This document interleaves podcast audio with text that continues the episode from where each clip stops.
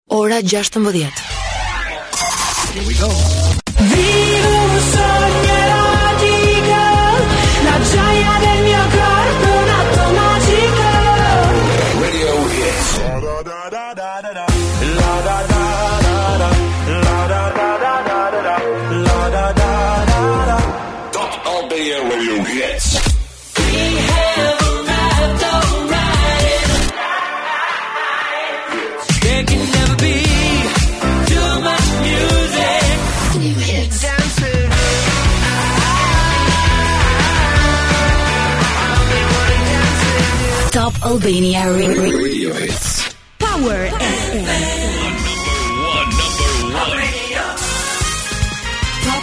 Flash në Top Albania Radio. Informacionet kryesore të ditës. Po ndiqni përmbledhjen e orës 16 unë jam Ani Bame.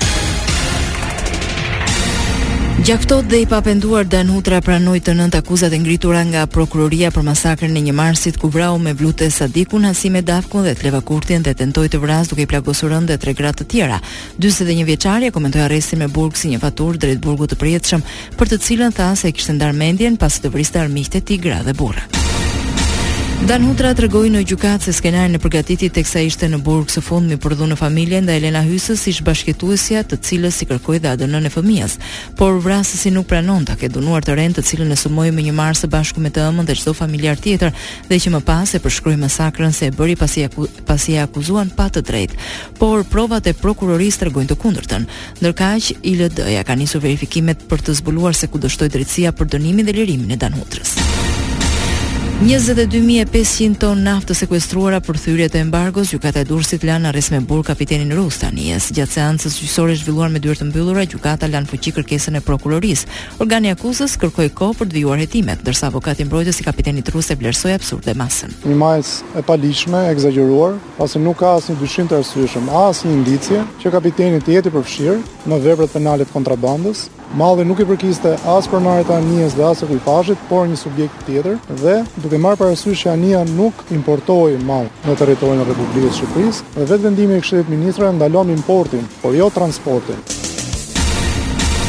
Nga sot në orën 18 nafta do të shitet 7 lek më shtrenjtë dhe benzina 4 lek më shumë. Bordi i Transparencës ka publikuar çmimet e reja dhe ka vendosur që nafta të jetë 197 lek për litër, nga 190 që ishte më parë, ndërsa benzina do jetë 190 lek për litër nga 186 që ishte më herët.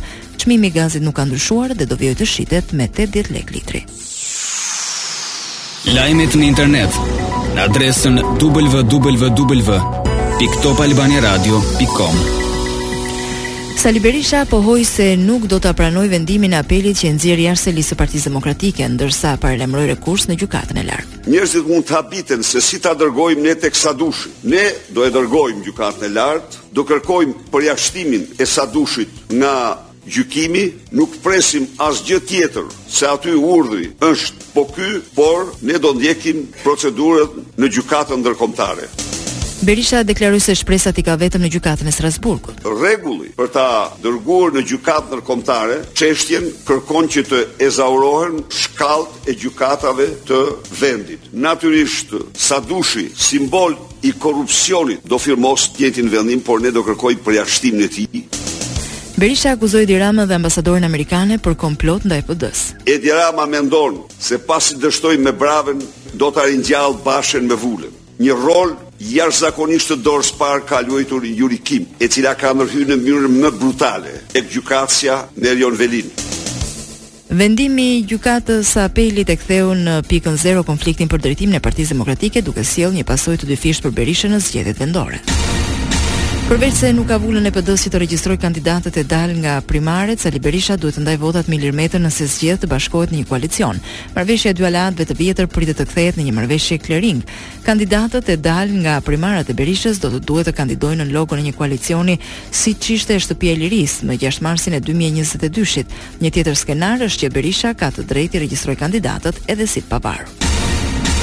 Afatet për regjistrimin në KQZ po ngushtohen edhe për grupin Alibeaj, i cili ka një paradoks sa politik dhe juridik, pasi logon dhe vulën e partisë vijon ta mbajë me vendim gjykate kryetari i dorëhequr. Në kushtet kur zihen dy vetë më i fituari del një i tretë, në këtë rast Partia Socialiste, e cila pritet të ketë përballë një kundërshtar të përçarë. Socialistët nuk pritën afatin e fundit, por depozituan sot kërkesën për regjistrim duke e çuar në 34 numrin e partive garuese për zgjedhjet e 14 majit. Lajme nga rajoni. Kryeministri i Kosovës Albin Kurti tha se është i gatshëm të vazhdojë diskutimet për planin e zbatimit të propozimit evropian për normalizim raportesh Kosovë-Serbi. Deklaratën e bëri në një bisedë telefonike me senatorin amerikan Chris Murphy. Murphy ishte në mesin e senatorëve që më 2 mars kërkuan nga Kosova dhe Serbia që të pajtohen me planin e propozimit evropian drejt normalizimit të raporteve mes dy vendeve. Përleshje mes të burgosurve në burgun e Dubravës në Kosovë, mësohet se dy prej tyre kanë ushtruar dhunë fizike ndaj një të treti duke i shkaktuar plagë të shumta në trup.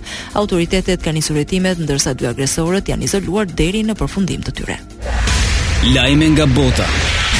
Forcat ukrainase zmbrapsën një sërë sulmesh ruse në Bakhmut në 24 orët e fundit. Këto deklarata të ukrainasve vijnë pas pretendimeve të mercenarëve rusë se ky qytet lindor është thuajse i dorëzuar. Megjithatë, ekspertët perëndimorë thanë se situata në Bakhmut që për një kohë të gjatë përballet me sulme ruse vazhdon të jetë kritike dhe se mbrojtësit ukrainas përballen me presion në rritje. Rritja e buxhetit të mbrojtjes së Kinës është e përshtatshme dhe ka për qëllim përmbushjen e sfidave komplekse të sigurisë, kështu deklaroi sot një zëdhënës i parlamentit kinez. Wang Chao tha se modernizimi ushtarak i Kinës nuk do jetë kërcënim për asnjë shtet. Në 2021-shin, sipas Bankës Botërore, Kina kishte shpenzuar 1.7% të prodhimit të brendshëm bruto për ushtrinë, krahasuar me SHBA-n që kishte buxhet prej 3.5%. Këtu kemi përfunduar, edicioni i radhës është në orën 17. Kjo është Top Albania Radio.